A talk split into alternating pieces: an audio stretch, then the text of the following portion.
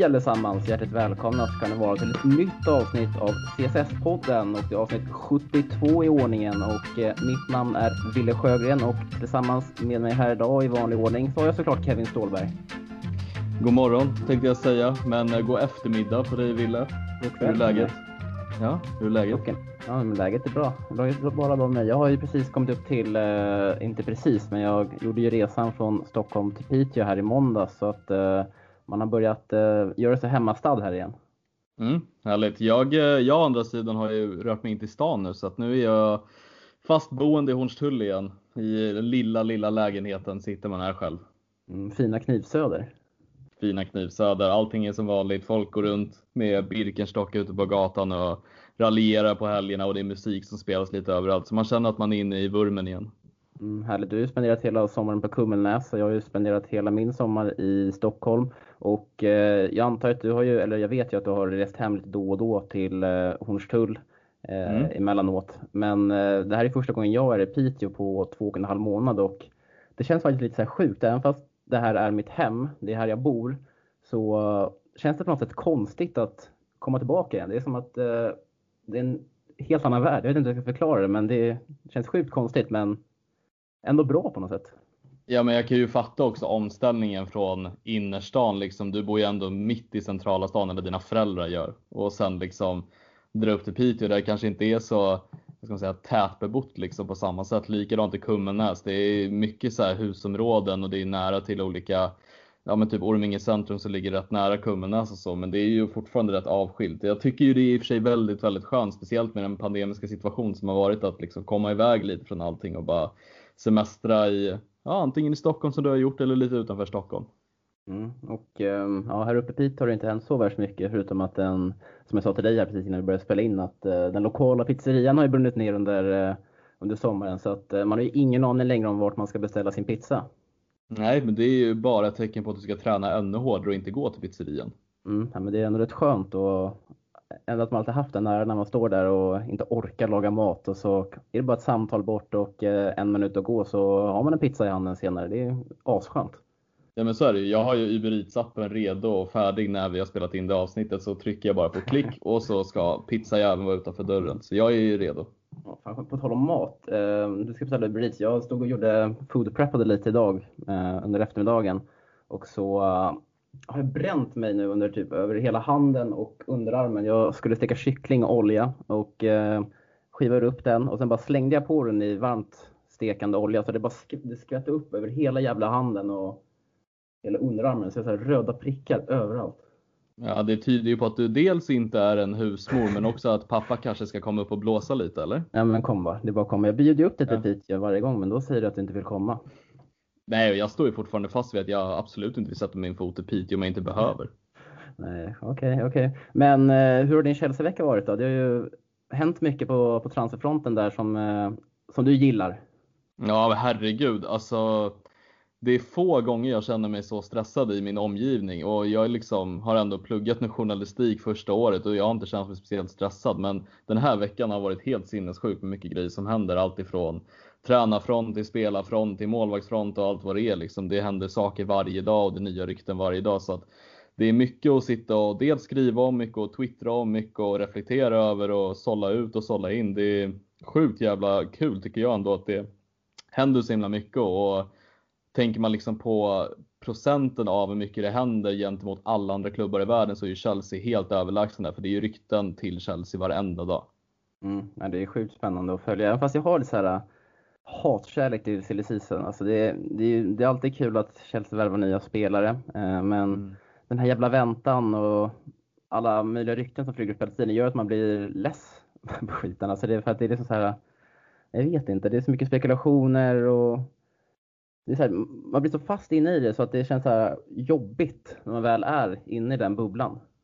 Jo men det är ju, alltså det är ju som du säger, det, har man svårt för rykten så ska man inte intressera sig så jävla mycket i silly season för det är ju en journalist som har hört det här från en annan person i någon klubb som man inte vet vem det är och så de inte går ut med namnet med heller. Så det är jättesvårt att veta vem som, ska man säga, är den mest sanningsbaserade journalisten eller inte. Men liksom när man väl har kanske hittat sina källor som man litar på och följer så är det ändå rätt kul att se liksom vad som händer och att man är rätt tidigt på bollen och liksom skriver om det och reflekterar. Men nej, jag, jag, vet inte, jag tycker det är så jävla roligt att sitta och bara twittra om eller sitta och skriva om och följa liksom. Jag tycker det är typ den bästa höjdpunkten på fotbollssäsongen.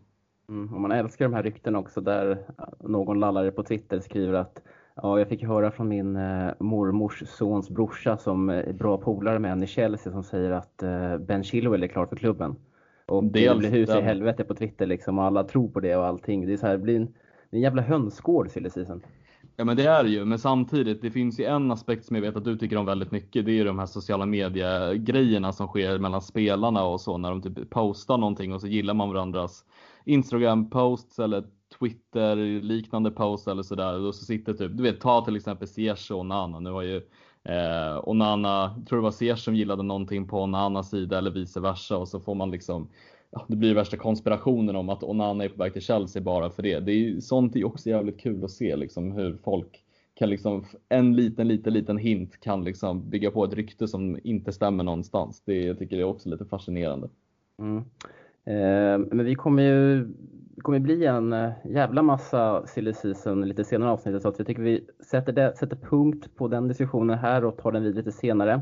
Och mm. eh, förutom att jag har stått och stekt kyckling och bränt hela handen under, armen så har jag även suttit och redigerat ett litet ljudklipp. För att jag satt och tänkte lite på Eden Hazard i morse och sen så bestämde jag mig för att, vi, att eh, ja, jag klipper ihop någonting av det här och så så tycker jag att det blev väldigt bra. Så jag tycker att vi spelar upp den i podden för den kommer ha lite relevans till det vi ska prata om efter det. Many Chelsea fans will fear that that could be Eden Hazard for the last time at Stamford Bridge. If it's my last game, I will try to do everything. My dream was to was to play in Premier League. I did this for for seven years in one in the biggest club in the world. So now maybe it's time for for a new challenge. I remember the day like it's my first day when I wear the Chelsea shirt, and uh, yeah, it's good. Uh, I think I made a good choice because uh, a lot of good memories.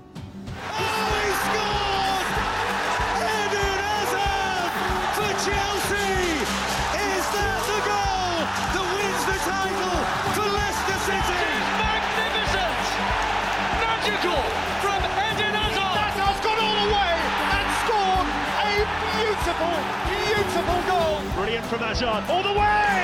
What a fabulous goal! Hazard! Oh, it's slithered underneath. Marshall. All the way, in and Hazard! It's a fabulous goal from this wonderful Belgian international. The best player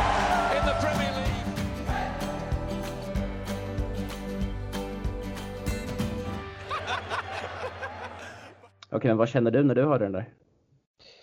Jag tänker på, jag tänker på en Eden Hazard som Ja, alltså är ju bland de absolut bästa spelarna som någonsin har spelat i Chelsea. Jag vågar nästan säga det. det är liksom, vi har ju Frank Lampard, vi har Didier Drogba, Sola, vi har alla de här legenderna. Men just Eden Hazard var en sån otroligt betydelsefull människa för hela laget, men också för hela föreningen. Det var det är få tidsepoker bland fotbollslag där jag tycker att ett lag var så himla beroende av en spelare men som också bar laget i så många stunder i sin karriär. Och det, nej, han är extremt högt upp på min lista och extremt uppskattad och är välkommen tillbaka till Chelsea när han, när han som helst skulle vilja det. Men jag tänker också på det här senaste målet i raden av hans soloräder mot West Ham om du kommer ihåg den när han mm. har Rice i ryggen, dribblar sig förbi och, bon, och Bonna tror jag det är och sen är det någon annan jävel i West Ham och bara drar in 1-0 eller 2-0 eller vad det nu var och liksom ändå rätt avgörande för matchen. Det,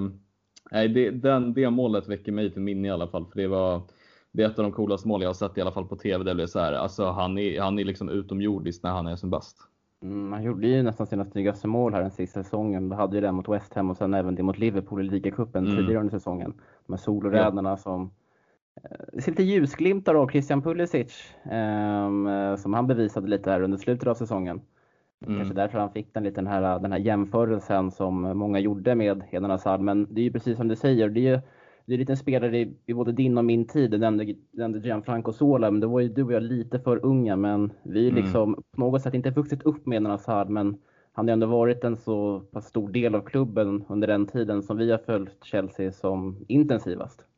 Ja men så är det ju verkligen. Alltså för mig, de absolut största spelarna för mig i Chelsea, det är John Terry, Frank Lampard, det är Didier Drogba och Eden Hazard. Det är liksom de fyra för mig som har gjort att jag har blivit helt frälst för den här fotbollsklubben. Och eh, det finns så mycket grejer man kan säga om varje individ, men just Eden Hazard tycker jag var en nivå liksom över alla andra. För alltså Frank Lampard, ja han bidrog med supermycket mål, men just Eden Hazard, han hade den här spetsen som jag tycker få spelare har i eh, toppfotbollen som finns idag också. Det är ju synd att det har gått som det har gjort i Real Madrid, men det kanske är positivt för oss om man kommer till oss i en framtid. Men eh, nej, det är en så fruktansvärt fin fotbollsspelare och en personlighet också. Jag tycker han alltid var jävligt trevlig och rolig när han intervjuades och skön och verkade vara uppskattad i omklädningsrummet också för den delen.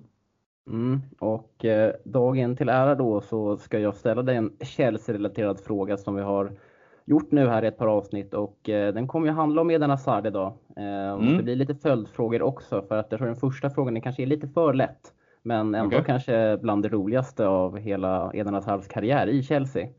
Mm. och då lyder första frågan då, vad gjorde Eden Hazard när han fick sitt första röda kort för Chelsea?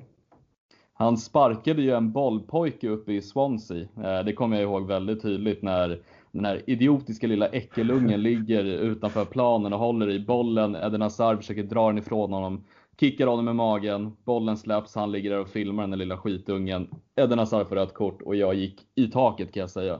Mm, samma här och eh, det var ju så kul för det var ju liksom inte bara den själva grejen för den här, den här bollpojken var ju en 17-årig snubbe vid namn Charlie Morgan eh, som hade tweetat inför matchen att, eh, jag läser hans tweet här utan till och då skriver han att The king of all ball boys is back making his final appearance. Hashtag needed, hashtag for time wasting. Åh fy fan. Ja, så det var liksom, och sen så läste jag någonstans lite lösa källor. Jag hittar inte det nu, men i samband med det så läste jag någonstans att han hade, liksom hans farsa eller någon släkting till han i klubben då, Charlie Morgans, är någon högt uppsatt person inom Swansea. Så det var så mm. lite mhm. konspirationer att uh, han hade liksom sagt åt den här bollpojken att han ska maska liksom när han får bollen och samtidigt är ute och svingar med det på Twitter.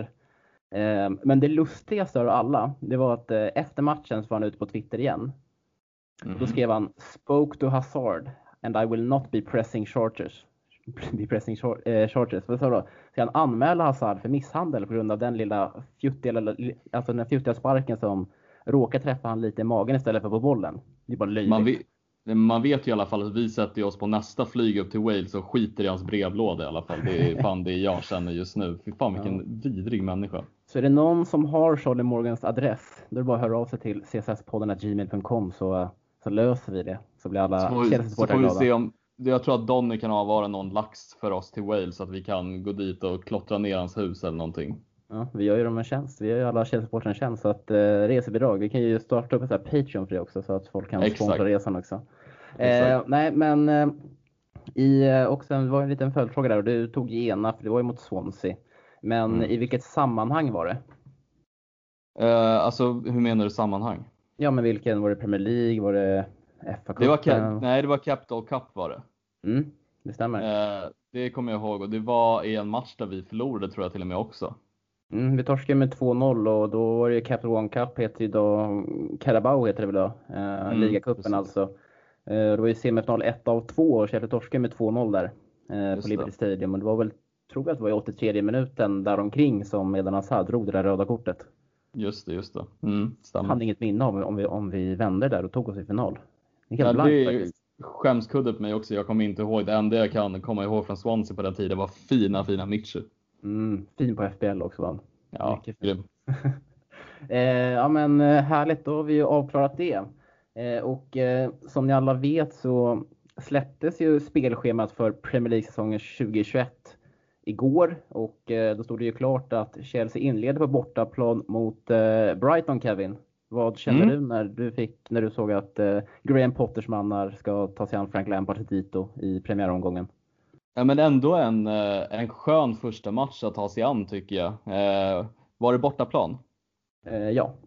Ja, nej men åka till Brighton längs vid kusten och svinga på Dunken och Potters mannar. Det känns ju ändå, alltså ändå rätt trevlig liksom första match måste jag ändå säga. Jag menar, det hade ju varit jävligt kul att få kanske en Tottenham-match vid, vid start, men jag känner liksom det, det är bra för Chelseas del också om man nu ska spela in Ziyech och eh, Werner och eventuellt Kai Havertz när han kommer, att man får en Brighton-match för att det är kanske inte det bästa motståndet men inte heller allt för dåligt och alltså en bortamatch på Brighton, jag menar de är ju inte direkt super superkända för sin publik så om det nu blir publik, det vet man ju inte heller vad som händer. Eh, så jag tänker att det är väl en ganska bra mellanmjölkmatch att börja med.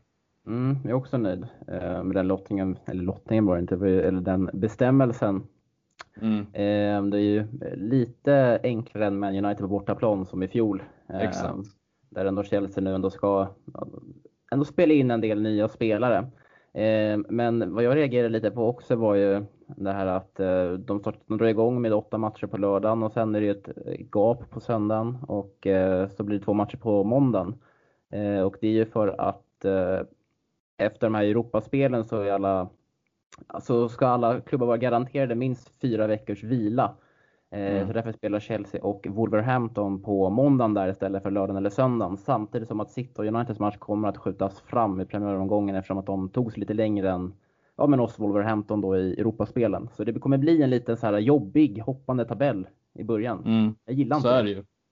Nej, det gör man ju inte, men vad fan ska man göra? Jag tycker ändå på något sätt att det är inte ofta FA tar ansvar, men jag tycker att de tar ansvar på ändå ett rätt bra sätt. Jag liksom kan ändå köpa att så här, lagen måste ju få sin vila. Jag menar, det är liksom spelare, jag vet inte hur många skador i procent som har skett nu efter pandemin, men man vet ju till exempel matchen emot eh, eh Arsenal i eh, finalen där liksom både Pedro drog axeln ur led, Pulisic drog baksidan och Aspelikueta drog baksidan, att det är ändå viktigt för spelare i alla lag att få sin vila innan serien börjar för då kommer det bli lika intensivt som det har varit tidigare. Så att hoppigt eller inte, ja det är, väl, det är väl den här situationen man kan lösa på bästa sätt. Eller har du ett annat förslag där? Nej, men alltså jag är, med i fullt, alltså helt, helt och hållet. Men jag gillar bara inte att det ska bli en halvtränad tabell och man förstår ju att Premier League ändå vill dra igång så fort som möjligt. För säsongen ska ju avslutas ungefär samtidigt som som planerat, och, även fast vi startar och drar igång en månad senare. För det är ju ett EM-slutspel som väntar eh, nästa mm. sommar också. Så att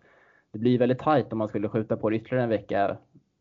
Tajtare än vad det är just nu. För det är blir ett par, kommer bli ett par intensiva perioder, men det gillar man ju ändå lite. Ja, eh, verkligen. Jag tänkte också ändå på Brighton i premiären eh, och sen har vi Liverpool i den andra omgången. Eh, mm. Känns som att det kan sätta lite onödig press på Chelsea i premiären eftersom att det ändå är Liverpool i den andra matchen. Och tre poäng kommer nog behövas direkt här för att, eh, för att inte riskera den här noll, eh, nollpoängstarten efter två omgångar. Så är det ju, men jag tycker på ett sätt att det är positivt att möta dels ligamästarna i redan andra omgången. För jag menar, ska Chelsea få den pressen på sig redan nu så kommer ju Liverpool också ha favoritskapet tills nästa år. Jag menar, andra matchen har vi kanske inte kommit igång supermycket och om det är något, liksom, om det, är, vad ska jag säga, om det är någon gång på året jag hade velat möta Liverpool så är det bland de första omgångarna för då kan man ju på ett sätt också eh, växla upp lite och sätta press på dem rejält i början av säsongen för att Liverpool är ändå ett, ett lag som stångades jävligt bra förra året och liksom raljerade segrar efter segrar i starten av säsongen men nu kanske man kan om de får en första match som är lite halvknackig, då sätter ju pressen på Liverpool och då kan ju vi liksom slå underläge. Jag tycker det är där vi är som bäst och jag tycker vi har gjort väldigt bra insatser mot Liverpool. Så varför inte dänga till dem i andra omgången redan? Jo, alltså, jag köper det helt och hållet, men jag känner ändå att eh, Liverpool kommer ändå in och kommer nog inte värva så mycket i sommar. Det är väl den här Thiago Alcantara som ska in. Eh, ja, de har ju värvat den här grek vänsterbacken greken också. också. men han är väl rotation med, med Robertson ja, eller någonting. Simisakas eller något sånt där ja. skitnamn. Men det känns som att Chelsea kommer, det är andra matchen där då för Ziyech, Werner och Kai Havertz och eventuellt någon till spelare. Um, kanske hade varit lite skönare att Liverpool lite senare i spelschemat uh, när de kanske har kommit in lite mer i ligan, i klubben och upp i den nivå som vi vet att de besitter. Det är så mm. jag tänker. jag är med dig. Eh, men annars så tycker jag ändå att spelschemat ser ändå rätt bra ut för Chelsea. Jag tycker att det är skönt att eh, toppmötena är relativt utspridda. Vi har ju inte två i rad, eh, förutom mot slutet då vi möter City och Arsenal eh, i omgång, eh, vad blir det? Det blir omgång 36 och 35 som vi har City och Arsenal. Men annars är det rätt utspritt. Och så gillar jag också att det är eh, Arsenal på Boxing Day. Helvete vilken Alltså vilken match ja. det kommer bli med eh, William Ruiz och London Derby och allt möjligt. Så då hoppas man verkligen att eh, publiken har fått eh, komma tillbaka till arenorna. Ja, nej men verkligen. Alltså pungen kittlar ju extra mycket nu när William har tagit steget över till, till Arsenal och liksom så här, vad ska säga, jag hyser inget liksom agg mot William gentemot David Luiz övergång, för den var ju lite mer problematisk när han liksom drar innan fönstret stänger. William var ju ändå rätt väntad, men vi har ju snackat upp William väldigt länge om att han kommer lämna Chelsea men inte på tre år. Han fick inte tre år, och då blev det Arsenal. Inte heller oväntat när man liksom förstår hans situation med familjen bor i London och sådär. Så att, nej, jag är jävligt peppad på den här matchen också. Det är, jag, liksom, min brorsa är super Arsenal-fan och en liten rolig anekdot är att jag skrev ju till honom när William blev klar för Arsenal liksom att så här, ja men typ nu är, det äntligen, nu är det klart för er del och han bara helvete vilken bra värvning det här är. Och jag satt och bara helvete vilken bra värvning. Vad menar du nu? Han har fått tre år, bland de högsta lönerna i Premier League och han har option på ett år till och han är 32. Vad är egentligen som är en så jävla bra värvning med det? Nej, men då, det... kom ju, då kom ju svaret från honom. Ingen annan vill till Arsenal. Det gillar man. ja, det är ett fint svar faktiskt. Då, då förstår man hans situation lite bättre när han sitter och säger sådär. Men, mm, verkligen. Men med Willen, det känns som att, ja, vi ska inte traska oss in där nu så mycket, men det känns som att alla som inte ser Chelsea har liksom en felaktig bild av honom som någon värsta superstjärna.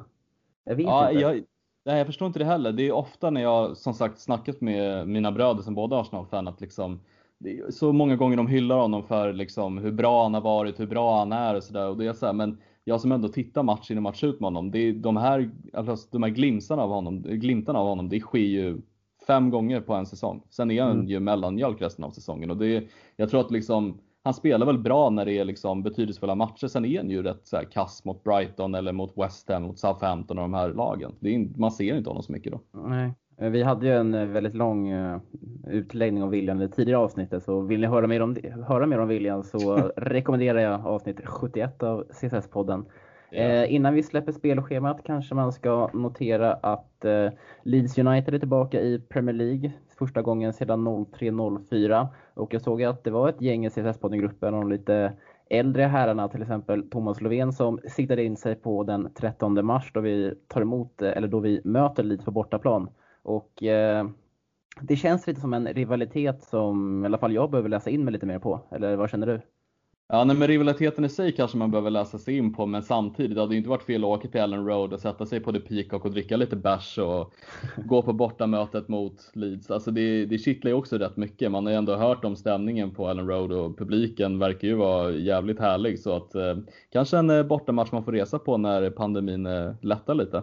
Mm, hoppas att det, man kan resa över och se lite Chelsea i vår eh, någon gång, ett par matcher. Det vore svintrevligt och eh, de har väl sagt någonting om att i oktober så ska de börja tillåta lite publiken, men då att det är så varannat säte och man får inte stå, man får inte skrika, man får inte hosta, man får inte, alltså man ska sitta helt tyst och ja, vara tyst liksom. Det, det låter som en föreläsning. Det låter som en föreläsning, men jag satt och tänkte lite på det också. Så här, men vad händer om det blir mål och det är krav på att man inte varken får öppna, öppna käften liksom?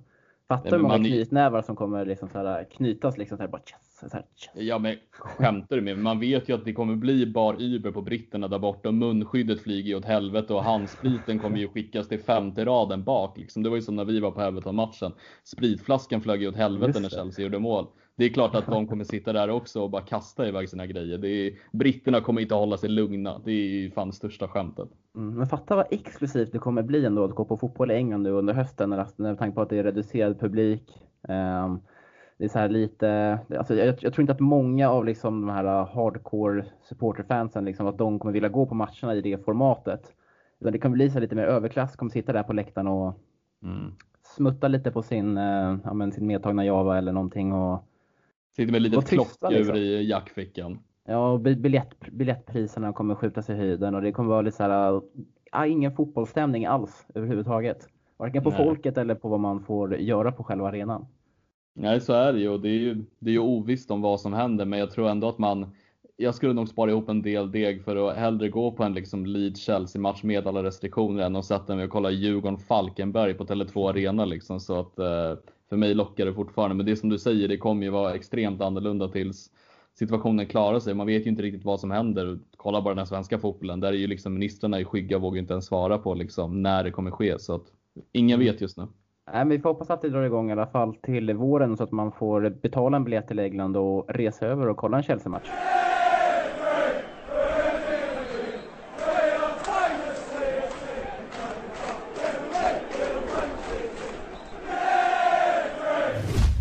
Igår blev det klart att Frank Lampards tredje värvning för säsongen är ett faktum och det handlar då om den 18-åriga försvararen Xavier Mbiamba som senast kommer från Barcelonas eh, ungdomslag men har varit på de brittiska öarna, öarna nu de senaste veckan och eh, tränat med klubben och eh, igår kom då det officiella beskedet att eh, den 195 cm långa försvararen har skrivit på för Chelsea, Kevin. Mm, jävlar vad snabba vi var på redaktionen och få ut den här artikeln också. Det tog inte många minuter efter den officiella bekräftelsen. Det gillar man. Mm, men vi arbetar snabbt på svenskafans.com så jag rekommenderar alla att man går in och följer oss där eh, för att eh, få det senaste kring eh, vår kära klubb Chelsea. Mm, men om man ska röra sig vidare till Mbojamba, det är ju det är lite kul. Vi, eh, jag, jag har ju rattat Silly-bloggen ett längre tag och jag var ju redan inne på den här värvningen i eh, januari. Att den, det var rykten som hade redan då börjat gå om att man vill värva den här unga mittbacken och faktum är att han har ju tränat med Chelsea tidigare, men det var ju under perioden vi hade en transferband så man kunde ju tyvärr inte värva honom. Vi fick inte ens värva till ungdomslagen då. Ehm, så att eh, ändå lite kul att han Eh, gick över till Barca, körde liksom sitt kontrakt ut och gick direkt över till Chelsea. Jag kollade upp honom lite i intervjuer och så. Han har ju uttalat sig också om att Chelsea är hans favoritklubb. Eh, nu var det ju en nederländsk intervju. Jag behövde en polare som kunde hjälpa mig att översätta lite så jag hoppas att den personen har översatt rätt. Men eh, som jag har förstått i alla fall så ska han vara ett väldigt stort fan av Chelsea så att det känns ju väldigt kul att han har kommit till klubben och fan det är en jävla bjässe som har kommit. Mm, 195 cm lång där som vi nämnde och bara 18 bast men fyller 19 i år. Men eh, som du sa så fick han ju inte att Chelsea var ute efter honom förra sommaren men kunde inte signa för att på grund av transferbudet. Skrev han inte något nytt med eh, Barcelona då istället och sen Exakt, han, eller grejen var så här, han spelade för Erste Divisie som det är i nederländska andra ligan för Maastricht där han var, spelade 11 matcher som 16-åring och sen så gick han ju över till Barca men innan han gick över till Barca så spelade ju han några, eller var där på provträning tror jag det var för Chelsea under en period innan han gick över och signade med Barca. För jag tror han har bara varit där från 2018 tror jag. Eller 2019. Mm. Nej, men jag läste någonting om att han hade, att efter den här transferbanden, eller efter Chelsea, att eh, Chelsea inte kunde värva honom så skrev han något kontrakt med Barcelona fram till 2024. Okej. Okay. Okay. Jag har något jag läste igår på Twitter, men jag kan vara helt ute och cykla. Jag kanske har drömt i natt. Ja, men för att han kom ju till klubben som free transfer nämligen. Ja. Jag vet inte, så. kanske bara jag som är ute och cyklar. Men han har ju skrivit nu på till 2023. Ehm, eh, och det är väl egentligen ingen, jag, jag känner som att det är kanske lite kort men eh, det är väl den kontraktslängden som de, unga, som de yngre spelarna får. Eh, men det är ju ingen spelare som kommer att ta en, eh, som vi, som vi kommer få se så mycket av i, i A-laget i år Kevin. Absolut inte. Man kommer troligen spela honom i development squad eller till och med eh, U19 om det skulle vara så. Men jag tror, jag tror personligen att han kommer kanske få den här säsongen i development squad eller att man lånar ut honom direkt. Eh, gissningsvis så får han ett år i utvecklingstruppen och så skickar man honom på lån nästa år. Jag tror att man vill se lite vad man har honom den här säsongen och spela in honom lite i U-lagen eller vad man ska säga. Eh, sen är han ju väldigt fascinerande att kolla på. Jag har kollat rätt mycket klipp med honom nu och han är ju extremt som sagt lång för sin ålder och jag tror inte han kommer sluta växa heller för den delen. Han är ju bara 18 bara ska fylla 19 och jag tror att du växer i alla fall fram tills du är runt 20 strecket så att eh, Får han bygga på sig lite till så tror jag att han är, skulle vara en jävligt kompetent försvarare i alla fall i eh, Premier League. För han har ju både längden och vikten på sin sida. Sen ska man ju inte snacka om hans fötter och teknik. Jag menar han har ju spelat i Barca vad man kan se där så är han en väldigt bra passningsspelare och en väldigt teknisk herre för sin långa längd. Så att, otroligt tycker jag i alla fall, ny, alltså nyfiken på honom. Ja, men det är väl bra i luften och bra passningsfötter. Det är väl bra egenskaper för den ja, Något som inte Christensen har. Exakt. En bra uppgradering där. Men det är ju bra egenskaper för den moderna fotbollen Frank Lampard ändå vill spela.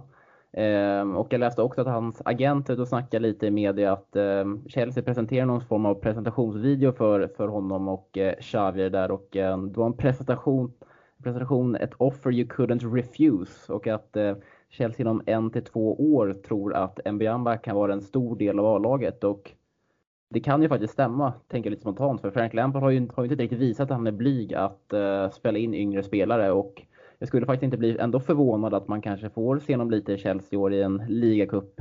De första omgångarna där, eller kanske i första omgången i FA-cupen beroende på hur lottningen ser ut.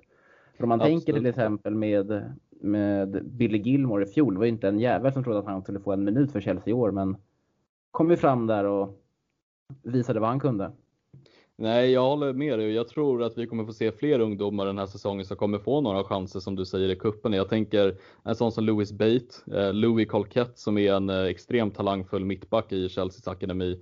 Sen har vi Xavier Mboyamba och Tino Anjorin. Jag tror att alla de här kommer på något sätt bli lite, lite, lite, lite mer inblandade i A-laget på något sätt eller i alla fall få en större liksom, plats i U23-truppen. Likaså eh, tänker jag med Ian Matsen också för den delen. Eh, så jag tror ju att Lampard var ju redan inne förra året och snuddade lite på och gav några debuter till både Ian Matsen och Tina Anjorin. Jag tror ju att fler kommer ju få, få chansen i alla fall att visa sig på något sätt. Eventuellt träna med A-laget så får man se om de gör några avtryck där och får kanske några minuter i en cupmatch.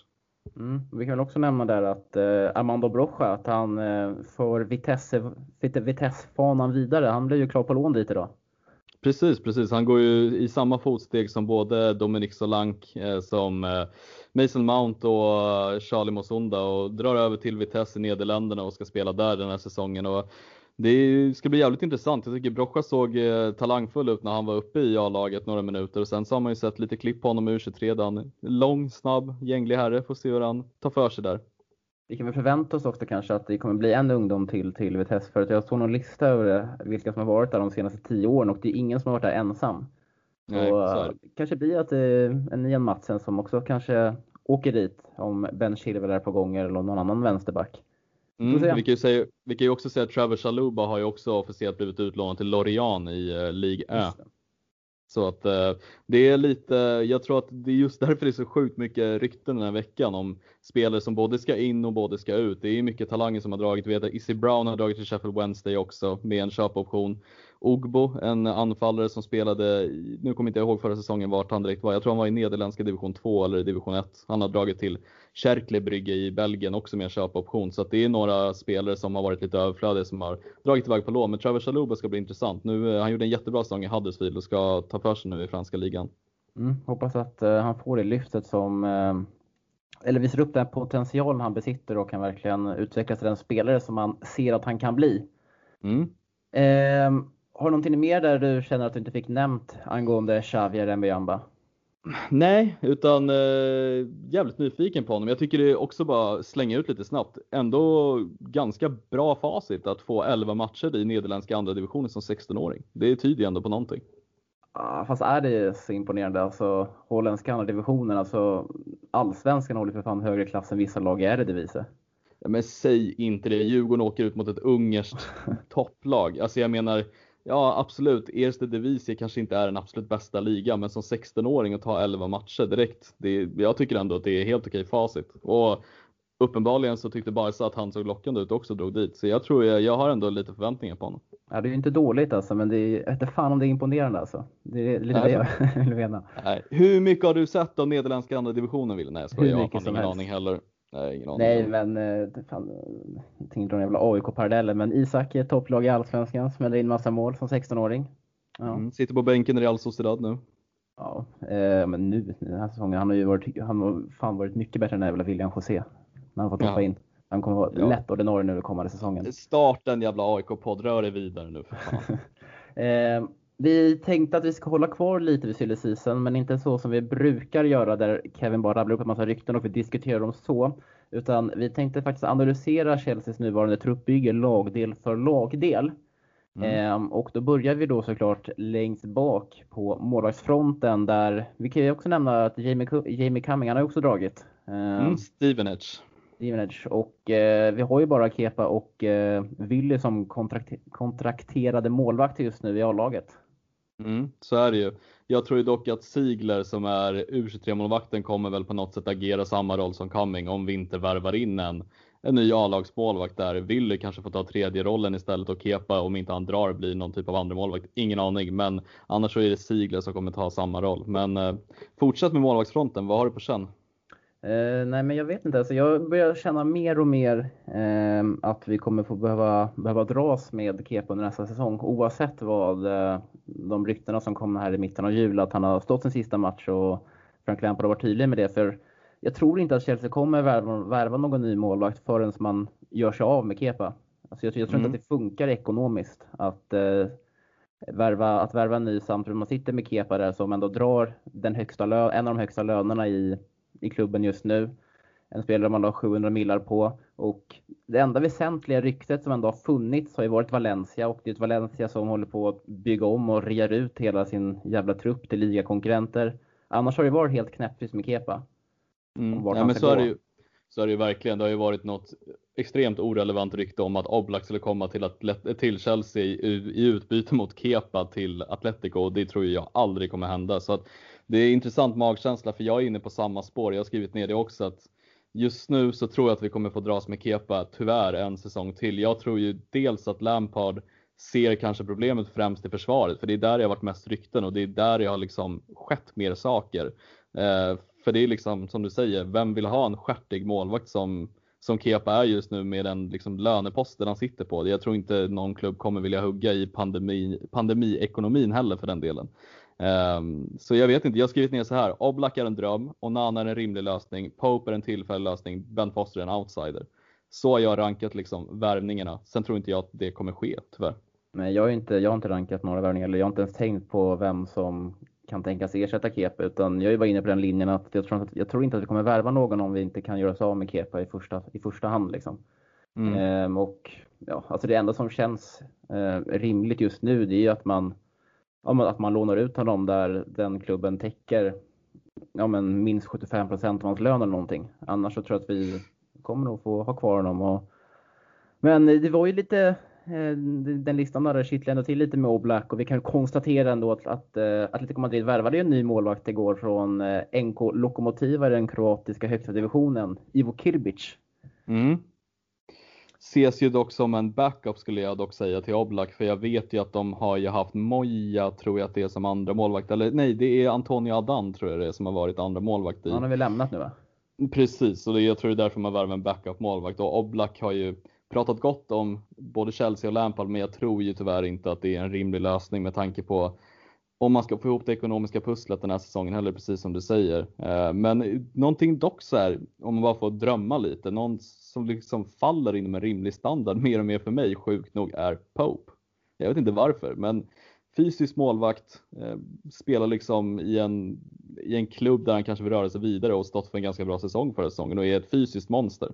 Mm, eh, ja. Så att eh, liksom bara en magkänsla om att det kan vara en bra målvakt.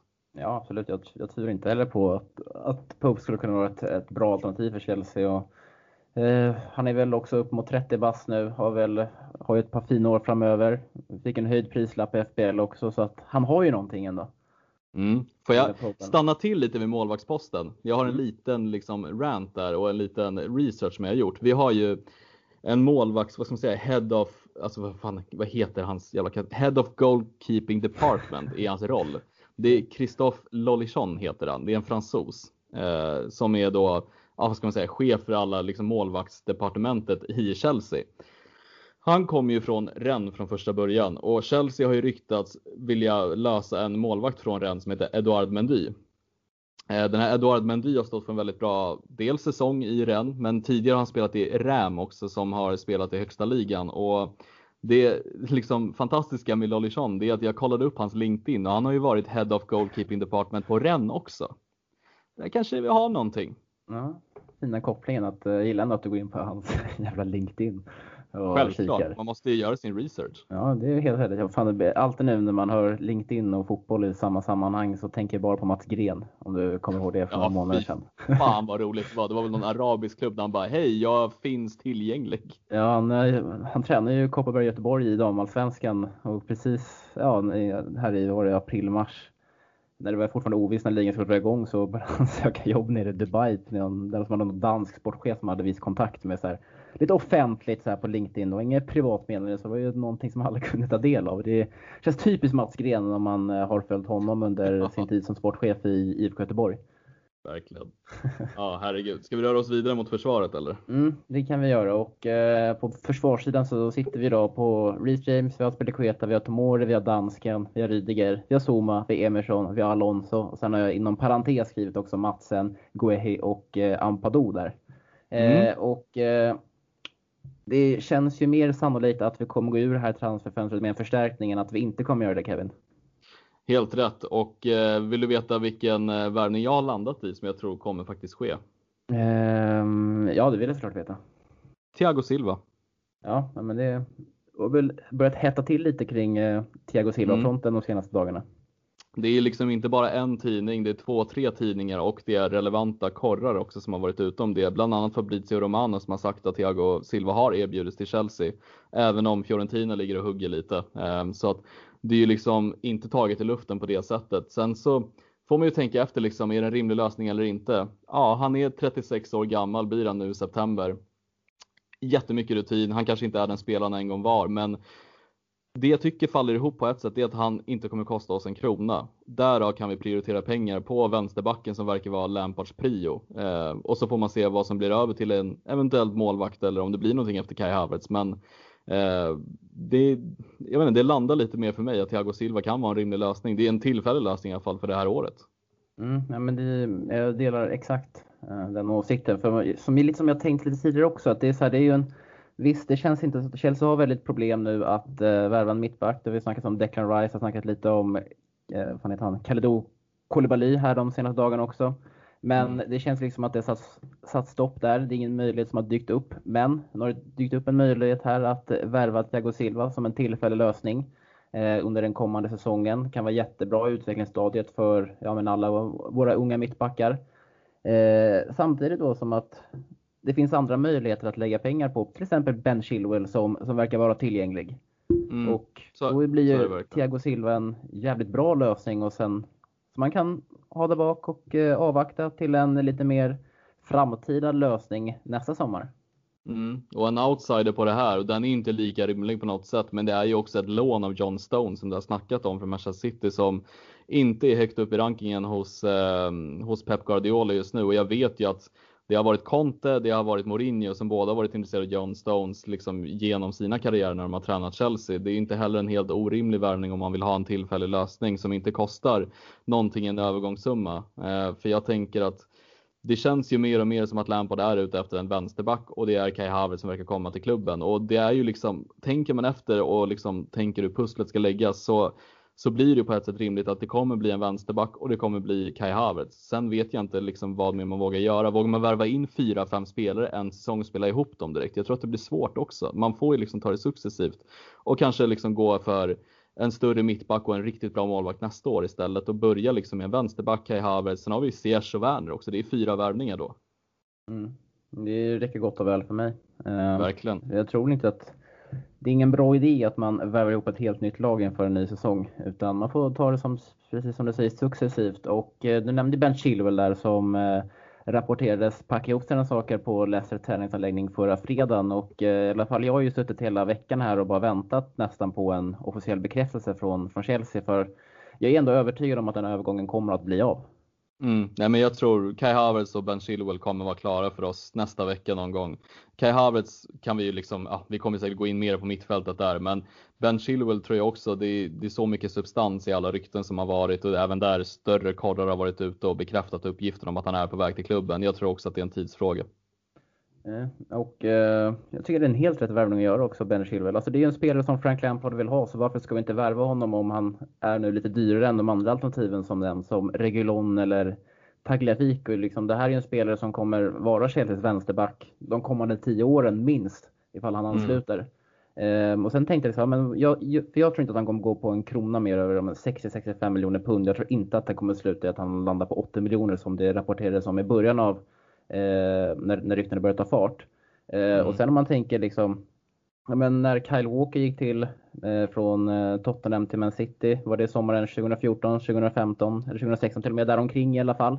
Kostade han 45 miljoner kronor, 45 mm. miljoner pund och då tycker jag ändå att med 60-65 miljoner pund för Eh, Englands eh, landslagsytterback är ett rimligt pris med tanke på hur marknaden utvecklats de senaste åren. Det är liksom de mm. pengarna man kommer få behöva betala för en spelare som förhoppningsvis kommer springa runt på våra vänsterkanter i flera år framöver och en spelare som Frank Lampard verkligen vill ha.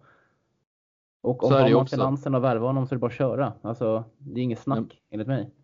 Nej men så är det ju också. Här får vi inte glömma. Vi kommer ha Morata-pengar som kommer in. Vi kommer eventuellt bli av med Bakayoko den här sommaren och vi kommer eventuellt bli av med Emerson den här sommaren. För Emerson kan jag säga också ryktas väldigt starkt just nu till italienska ligan. Eh, där kommer det komma in cash. Och jag tror ju att vi kommer på ett sätt i alla fall få Kai Havertz och Ben Chilwell. Som du säger så är det ju en, rätt, en rimlig peng liksom i slutändan. 80 miljoner euro är ju ganska mycket pengar, men som du säger 60-65, där kan nog Leicester landa som missade Champions League-spel också. Det är ju också mm. en faktor för vår del. Ja, och Ben Chilwell vill ju så tydligt bort från klubben också, så det är, mm. han strider för också. Det kommer också sänka prissumman, men men jag känner också spontant, det är så många värvningar som görs som rapporteras i en viss prissumma, men när man låter det gå någon månad, när allting har lagt sig, då kommer det ut en hel, helt annan summa ur den som det rapporteras om eh, från första början. Kom hem med Morata, när han blev klar för klubben så snackades det om att han var, Chelsea värvat honom för 80 miljoner pund liksom, men sen när liksom allting hade lagt sig liksom och lite mer bekräftade uppgifter kom ut så kostade han ju runt 60-65. Inte mm. mer än det. Så jag tror absolut inte på de här uppgifterna att han kommer kosta upp mot 80. Även mycket Maguire och Mares gick till, till de respektive Manchesterklubbarna. Mm. Det finns inte på världskartan. Nej, jag håller med eh, Eh, men om vi tar en eh, segway över här då till eh, mittfältarna så har vi varit inne på Kai Havertz och eh, ja, det är väl den spelaren som kommer att ansluta om någon där framme. Så är det ju. De har ju, vad jag fattar som så har klubbarna kommit överens om att 28 augusti är deadline för när Kai Havertz ska vara klar eller inte. Jag vet att Eh, dels har varit Simon Phillips har varit ute om det, Nizar Kisel har varit ute om det, om att Kai Havertz vill komma till klubben. Han har sagt tydligt till Leverkusen att han vill lämna. Han vill bara gå till Chelsea och ingen annan klubb.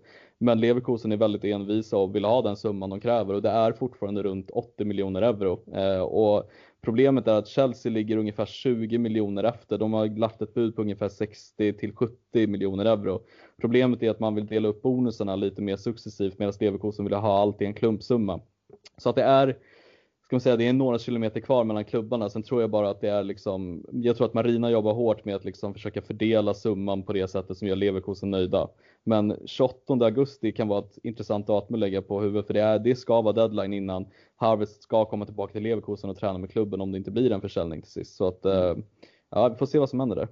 Ja, det är, det är lite poker. Uh, alltså det också, Chelsea sitter ju ändå i pole position med tanke på att uh, ändå den att Kai ändå uttryckt uh, så starkt att han vill till klubben. Då vet att de är säkra, de har ju säkert det personliga kontraktet. Så nu gäller det bara liksom att pressa ner den här prissumman så mycket det går. Såklart, såklart. Så, och fördelar du bonusar tycker jag är en väldigt smart grej också, för du kan ju lägga på bonusar som handlar om om du vinner till exempel Premier League så får du x antal miljoner. Det är bara att slänga på sådana bonusar, för vi kommer ju inte vinna ligan tror jag nästa år oavsett. Mm, eh, så att, eh, ja men förlåt, jag slänger ut det, men det tror jag inte. Nej, jag tror inte jag heller, men liksom, då tänkte jag så men då måste ju Bayer Leverkusens ledning vara ja, extremt jävla pantade ifall de skriver någon klausul att eh, ja, ni får 5 miljoner kronor eller 5 miljoner pund extra ifall Chelsea vinner ligan nästa säsong. Men snälla om det är Rudi Föller som leder klubben, han ser ju rätt pantad ut också för den delen. ja, vi får hoppas att uh, han är så dum som han ser ut. Um, ja. Men jag eh, satt och tänkte lite också att eh, nu när både Pedri och William har lämnat och oavsett om Mount och och eh, Ruben of kan gå ut på en kant så tycker jag ändå att vi är lite tunna ute längs kanterna med Hasan Pulisic och Ziyech. Så skulle vi av mot förmodan inte landa Havertz eh, så tror jag att vi kommer gå för någon annan, därför, gå för någon annan eh, ytter, yttermittfältare. Jag tänker inte ens sitta och spekulera med dig om vilka andra spelare jag tror att det är, Nej. jag tror att Kai Havertz kommer komma. Ja, det tror jag också, men jag bara nämnde det att om det mm. skulle gå till helvete så tror jag att man kommer kolla på någonting annat.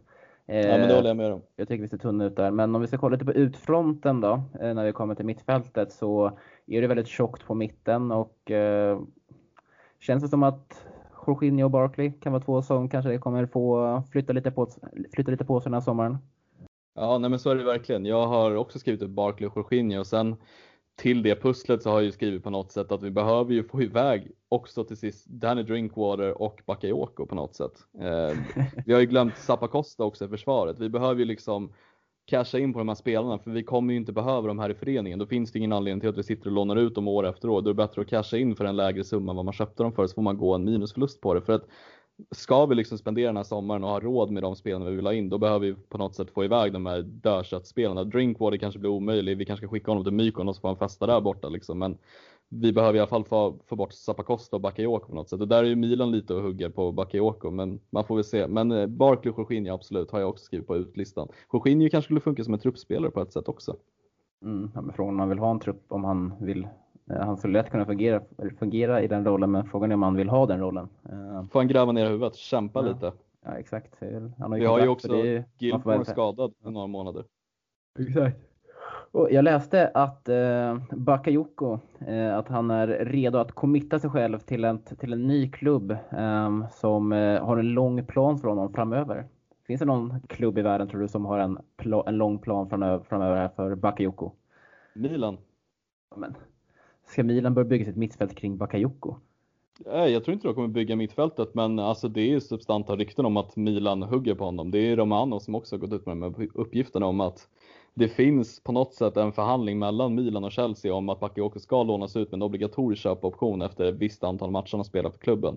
Och Milan håller ju på att komma in i någon typ redigeringsstadie där man liksom gör om klubben rätt mycket med sportchefer och ledning och spelartruppen i sig. Så jag tror ju liksom, kommer Ralf Rangnick in i klubben som sportchef, då kommer man gå efter Bakayoko. För han hade en ganska lyckad period, i alla fall vad jag fått höra av Rossoneri-fansen, så, så verkar han vara väldigt uppskattad till skillnad från Chelsea-fansen. Ja, men fan vad deppigt det känns som det var Milan-supporter. Så här, liksom att storvärvningen för sommaren det kommer vara Bakayoko. Ja, det är ingenting att hänga i träden alltså. Sitter vi och snackar Ziyech och Werner och Havertz och Milan snackar Bakayoko liksom. De Stackarn. kan ju ta Zappacosta på köpet också. Han ingår i dealen. Eh, inget ont om Bass, inget ont om Zappacosta. Han har ändå varit helt okej i Chelsea och gjort det bra. Men han ska också iväg som du säger. Men anfallarna då så behöver jag ens nämna någonting att den känns spikad med, Ab- med Abraham. Abraham, Werner och Giroud och Batshuayi kommer ju säkerligen eh, behöva hitta en ny klubbadress här. Det är ju bara frågan om när han inte är en spelare för Chelsea längre. Leeds United, Batshuayi, har ju nämnts i media och eh, det snackas om en prislapp på ungefär 25 miljoner euro. Ta och skicka direkt. Det, vi kommer inte få en bättre summa för honom. Det är den prisklassen med tanke på hur lite han har spelat mycket, och lite han har bidragit. Så kan Leeds eh, på något sätt få den ekonomiska ekvationen att gå ihop, skicka honom direkt. Mycket sa du, 25? Ungefär 25 miljoner euro snackas det om att man har erbjudit honom till Leeds och för den prissumman. Ja, men då går vi nästan plus minus noll på honom. För jag tog väl in honom för typ 30-32 någonting. Mm, 2016. 33 Och, tror jag att det var exakt. så Skicka honom. skicka honom. Eh, ja, annars så finns det ingenting mer att nämna kring anfallsfronten. Och vi glömde en sak eh, bland mittbackarna Kevin. För det var ju någon eh, ligakonkurrent som har skrivit ett nytt kontrakt med sin kapten. Ja, Dunken. Han har ju fått sitt femårskontrakt under Potters 28-åringen så nu kan vi släppa alla jävla rykten om honom. Du har ju för fan varit inne på att det är en rimlig lösning för en halv miljard. Det är det värsta jag har hört dig säga Wille. Fast jag sa, jag sa aldrig att han var en rimlig lösning för en halv miljard. Jag sa att han var en rimlig lösning men inte kanske till den prissumman. Ja, men det är inte en rimlig lösning ändå för typ 40 Bra, bra miljoner euro. passningsfot, bra i luftrummet, led, led, ledaregenskaper, kan Premier League, 28 bast. Ja, Spelar för Brighton. En hade lätt tagit en, en, en Lewis Dunk om han hade kostat 25-30. Fast nu mosar jag mig själv lite. Jag har ju gått i den fronten att jag skiter i vad folk kostar så länge Frank Lampard vill ha dem. Men Exakt. lite relevans ändå så hade jag tyckt att det var en, en bra lösning ifall man skulle vilja ha Lewis Dunk. Alltså varför Ja. inte? Jag skakar på huvudet där bakom bara. Ja, men gör det du. Eh, Så Tack. får du väl eh, sluta skaka sen när eh, han nickar in 1-0 för Brighton i premiären mot Chelsea. Jävla Ja, kul det. fan. Får man äta upp. Eh, Men eh, känner vi oss nöjda med eh, silly season eller har du någonting mer som du har snappat upp här de senaste dagarna? Nej, men jag är nöjd. Jag tycker, ska vi inte ratta över till lyssnarfrågor eller behöver en paus? Ta en paus.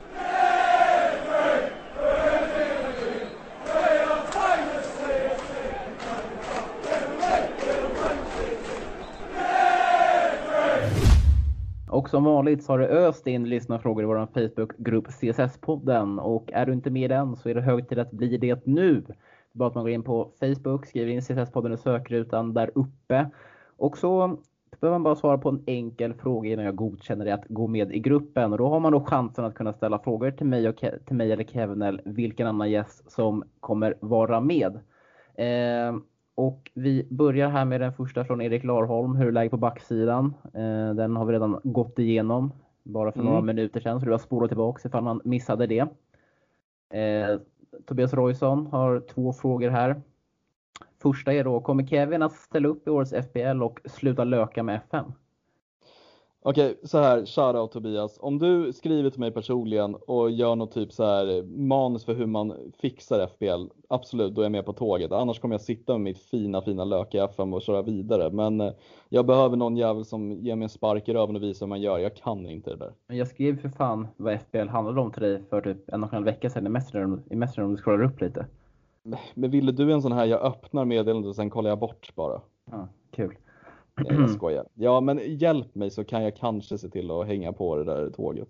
Det är jävligt kul. Det är beroendeframkallande. Mm. Som FM. Jävligt roligt. Som FM. Eh, Men det känns lite mer tidskrävande eh, med FM än FBL så, Så är det på hur, hur eh, mycket succé man vill ha. Men eh, ja, vi får se ifall du joinar den ligan och eh, du kan väl posta den li- ligan igen Tobias Roysson i ett nytt meddelande så att alla kan ta del av den. Mm. Eh, nummer två, vad tycker du om Thiago Silva som, som en eventuell lösning i försvaret? Och det har vi också redan gått igenom. Japp. Eh, Robert Jonsson, era tips till topp 6 den här säsongen. Om vi börjar med dig då Kevin. Nej, vi börjar med dig så kommer jag gå in och säga nej till någon av klubbarna om det är så att jag är emot någonting Mm. du säger. Jag tror att Manchester City vinner eh, och Liverpool kommer tvåa. För jag tror att eh, det finns lite mer revanschlust i Manchester City medan Liverpool kan bli, vara lite mer mätta. Jag tror att Chelsea slutar trea. Jag tror att United slutar fyra. Och eh, sen tror jag faktiskt att Tottenham tar femteplatsen och sen sjätteplatsen. Jag tror att det blir ett race mellan Leicester, Wolves och eh, Arsenal. Jag tror att City kommer komma trea eller fyra. Jag tror att Pep Guardiola blir kickad den här säsongen. Jag tror att Liverpool vinner ligan. Jag tror att Chelsea kommer tvåa. Jag tror att Tottenham tar en tredje plats. Jag tror att Wolves tar en fjärde plats och jag tror att Arsenal tar femte, Tottenham sjätte. Mm, spännande. Varför tror du att eh, det kommer gå så illa för Manchester City? För att jag tror att det här var liksom punkten på det misslyckandet som Pep Guardiola stått för. Han har vunnit ligan, jätte, jättebra. Han har stått för den absolut kanske roligaste fotbollen. Men jag tror också att spelarna i laget de känner sig lite mätta. Agüero inne på sista tvisten. Bernard Mendy är ju borta, skadad hela tiden, aldrig till liksom vänsterbacken och de liksom failar i typ varje Champions League-slutspel. Jag tror bara att klubben på något sätt behöver en liten förändring. Jag tror att City kan tappa rejält nästa år. Mm, nej, men jag tror att de kommer, jag tror att de vinner ligan nästa år. Mm, intressant. Så, jag lite, det verkar ju vara lite spelare på in där. Koulibaly, de har ju varit inne där. Ferran Torres, så tycker bara det är ett, eh, ett tecken på att Pep Guardiola ändå har ett eh, nytt, eller inte nytt projekt, men att ha, han har ett projekt i Manchester City, att han kommer vara kvar över en längre tid. Väldigt Glöm tajt inte- relation. Ja, förlåt, men glöm inte bort heller att de har värvat en gammal akademispelare från oss för en halv miljard också. Nathan Ake, ja. Det verkar ju som att de får in en Koulibaly där också. Ehm, men eh, jag vet inte, han har ju, han har ju så extremt tajta band med, eh, eh, med ledningen i City. Det är ju polarna från Barcelona och arabvärlden där.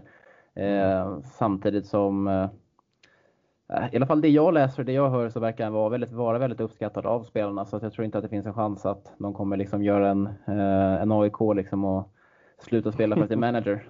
Så jag tror att de kommer nog känna en, en revanschlust. Jag tror inte att Pep är den som lägger sig ner och dör utan han har den vinnarmentaliteten att han kommer vinna nästa säsong. Eller att han ska vinna Mm. säsongen efter. Vi får se. Vi får se. Um, Ali Mustafa säger att det går rykten om att United ska vara intresserade av Kanté och tror ni Chelsea släpper honom om rätt bud kommer in och är det i så fall rätt eller fel beslut enligt oss? Kevin, om vi börjar med dig den här gången då.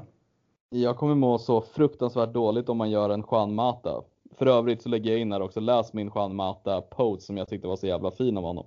Ehm, det skulle vara så jävla sorgligt att se han göra en Juan Mata dra helikoptern över till United och skriva på för dem. Men nej, jag tycker inte man ska släppa Kanté. Jag tror också att Lampard kommer vilja bygga sitt lag runt Kanté nästa säsong, så jag tror inte det finns en chans. Jag tycker inte man ska släppa honom heller för rätt bud. Nej, inte jag heller. Jag tycker att han är en spelare man, man har man, man, man, ändå pendlat lite genom, i den åsikten genom ja, men den senaste halvåret. Ska man sälja, ska man inte? Men jag har äntligen, eller jag har landat nu i alla fall att man ska behålla Kanté. Det finns inget snack Mm. om saken. Nej, oavsett pris. Det, är- Mm. det är den, den enda egentligen stora, stora stjärnspelaren vi har haft. Jo, och oavsett vad, om man lämnar så tror jag att inte, det finns inte på världskartan att man släpper honom till United i så fall. Utan då kommer det vara till ja, men PSG, Real, eh, PSG eller typ Real Madrid. Mm. En liten rolig anekdot här också. Jag såg ett klipp med när Kanté var på ett bröllop eh, hos ett fan, ett Chelsea-fan. Och en av de här bröllopsgästerna visade upp en, ett klubbmärke på Liverpool till Kanté. Varpå han sa liksom, ska du inte komma över till den rätta klubben? Kanté skakar på huvudet, garvar, kollar bort. Jag tror att det säger allt. Ja, han är kvar. Han är kvar. He stays.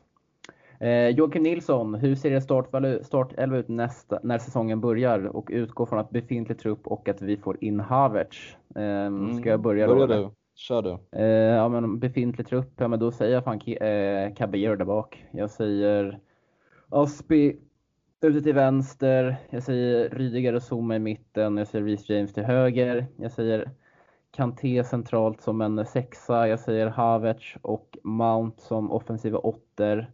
Och jag säger Ziyech, Werner och eh, Pulisic. Lite, lite, vet inte Mount eller Kovacic där. Det är liksom 50-50 för mig just nu. Mm, jag eh, säger nog eh, Mount kommer gå före Kovacic faktiskt. Men eh, jag håller med, jag håller med helt om din elva. Jag satt och tänkte på Kovacic eller Mount. Jag tror Mount är lite mer favoriserad där av Lampard. Ja, men jag tror också att om man ska ha de här två offensiva åttorna så är inte Kovacic tillräckligt bra där uppe. Samtidigt som att eh, han är också utmärkt för den här nummer 6-rollen. Så jag tror vi ändå kan få se en del rotation eh, mm. nästa säsong mellan Kanté och Kovacic om eh, Frank Lampard eh, ska spela den formationen på det spelsätt som det säger att han kommer göra och som han vill spela. Så vi får mm. se. Håller med. Eh, Mikael Kullman, galet nyfiken på nya mittbackar från Barca. Eh, det har vi dragit igenom. Ja, och en scoutrapport för honom har vi också typ gått igenom. Ja, men det tycker jag. Vi snackar ju 5-10 minuter om honom, så ja, med väldigt viktig information. Eh, David Josefsson, hur ser skadorna ut? Någon som missar början av säsongen? Ja, Aspilicueta och Pulisic. Men Aspilicueta är väl tillbaka? Eh, ja, förlåt, han hade ju bara tre, fyra veckor sen efter. Mm. Pulisic Men, väl, hade väl 68? Troligen, ja, och, precis. Han kommer troligen missa början av säsongen. Eh, vilka mer finns det? Vilka mer kan vara skadade? Det är väl, det är väl nästan bara Billy Gilmore såklart, men annars så är vi mm. relativt skadefria tror jag.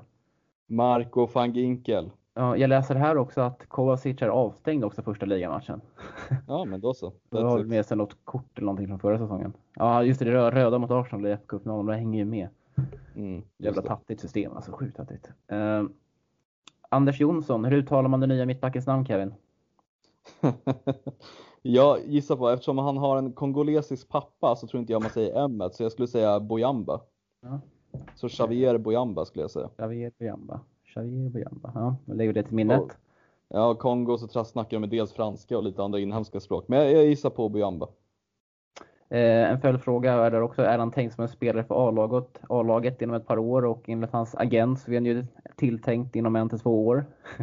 eh, vilken är den troligaste CB, alltså mittbacken som vi kopplas ihop med? Dunk, Colibri, Jimenez, Stones och kanske den jag tror troligast är Thiago Silva och det är väl Thiago Silva just nu. Ja, Thiago Silva skulle, är det mest rimligaste i alla fall.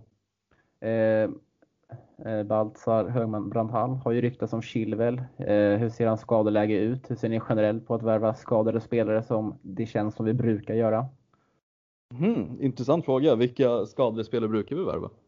Um, jag vet inte, jag har tänkt börja tänka också på det. Jag vet ju att Chilwell är ju fotskadad och vet vi finns ingen rapport om när han kommer tillbaka. Men det verkar inte mm. vara så pass allvarligt. Eh, har vi värvat skadade, många skadade spelare? Pulisic var väl, nej han var inte skadad. Nej men han har ju varit lite skadad till, till och från under säsongen mm. men han kommer ju inte skadad till klubben. Och sent från den här, vad fan heter den, Gold Cup i USA eller vad den heter. Mm, exakt. Eh, Nordamerikanska mästerskapet. Mm. Vad fan sitter jag och tänker så knakar här. Har vi värvat någon skadad spelare senaste tiden? Nej, jag, jag kommer inte på någon så här på rak arm som vi, som vi har värvat som har varit långtidsskadad på något sätt. De har ju skadat sig när de har kommit till Chelsea, det är en annan femma, men eh, kommer inte på någon annan. Eh, kanske han tänker på typ så här, men Rydiger var ju slet av korsbandet innan han kom. Eh, mm. Men han var väl fullt frisk när han väl kom. Sen var ju Ross, Bar Ross, Bar Ross Barkley var väl inte helt fit för fight när han kom kanske. Nej, kanske. Emerson hade ju också slitit eh, knät innan han kom. Så att vi har väl värvat spelare som har varit skadade men som ändå varit friska när de väl har kommit till klubben. Mm, sen har ju Barkley säkert haft levern skadad väldigt länge när han varit på Mykon och såg inte att han blev utburen ur en klubb? Jo, jag såg det. Fan vilka sköna polare verkar vara alltså. Ja, alltså Ross the Boss, han är så jävla härlig. Lever livet i Mykonos. Eh, skita i, hav, i havet. Skita i havet och gå för Messi. Nej, det tycker jag inte. Nej, vi kör på havet för ja. fan. Fan mäktiga havet när man till och med nekar Messi för honom liksom. Ja.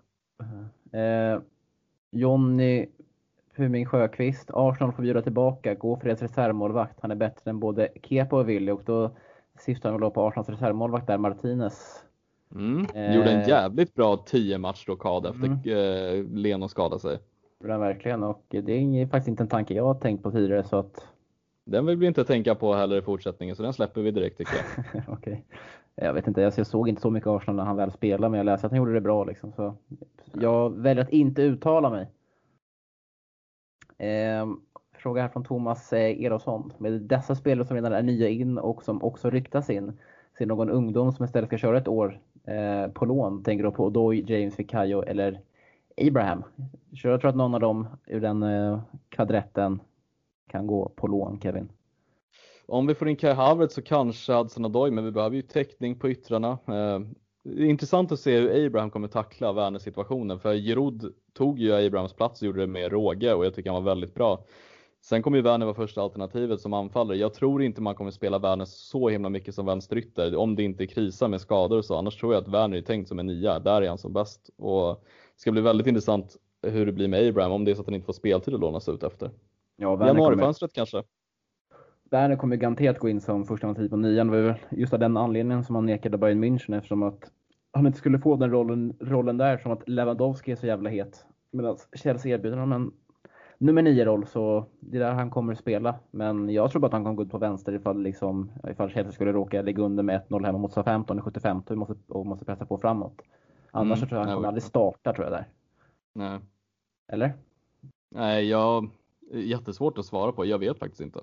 Jag säger bara vad jag, vad jag tror.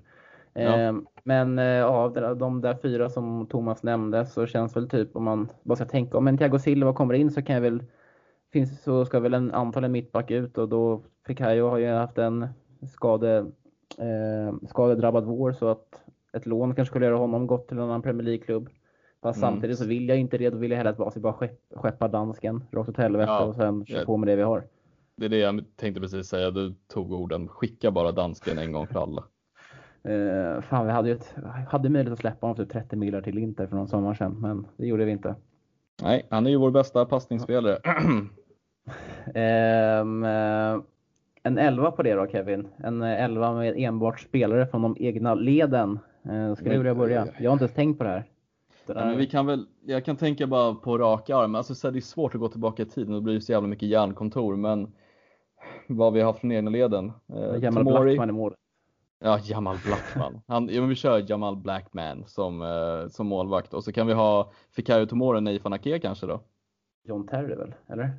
Ja men, ja, men John Terry är ju West Ham-produkt. Han kom ju jättetidigt till Chelsea. Han måste ja, men, släng, ja, men släng in, ja, men släng in John Terry och Fikayo Tomori då. Mm. Ja, men då sen har vi, ehm, så har vi Reece James såklart till höger. Eh, till vänster har vi, eh, ja vad fan blir det? Nathan Ake. Ja, Nathan Ake. Kan vi köra till mm. vänster. Och på mittfältet då? Frankie Lampard, räknar honom som egen produkt? Nej, han räknar vi inte. Han gjorde fan 150 matcher i West Ham innan han kom. Ja, ja men då kör vi, eh, vad kör vi där då? Ska vi köra in Nathaniel Chaluba? Det känns som man gör bort sig väldigt mycket nu, för man vet ju, det finns extremt många spelare i Premier League ja. som eh, har ett förflutet i Chelseas ungdomsakademi som Eh, men som spelar på en hyfsad nivå men har blivit sålda. Tänker på en sån som kanske Jack Cork i, i Burnley. Mm. Jag ska, ska fuskgoogla fram lite snabbt vad man kan se. Eh... Okej, varit helt okej okay i Burnley här ett par säsonger. Nej men herregud, vi har ju Lesaux som vänsterback kan vi ha. Mm, ja men Graham Lesaux. Graham Lesaux. Sen har vi ja, Jack Cork precis som du sa. Eh, vi kan ju även slänga in Patrik van Anholt som vänsterback. Mm, han gillar jag.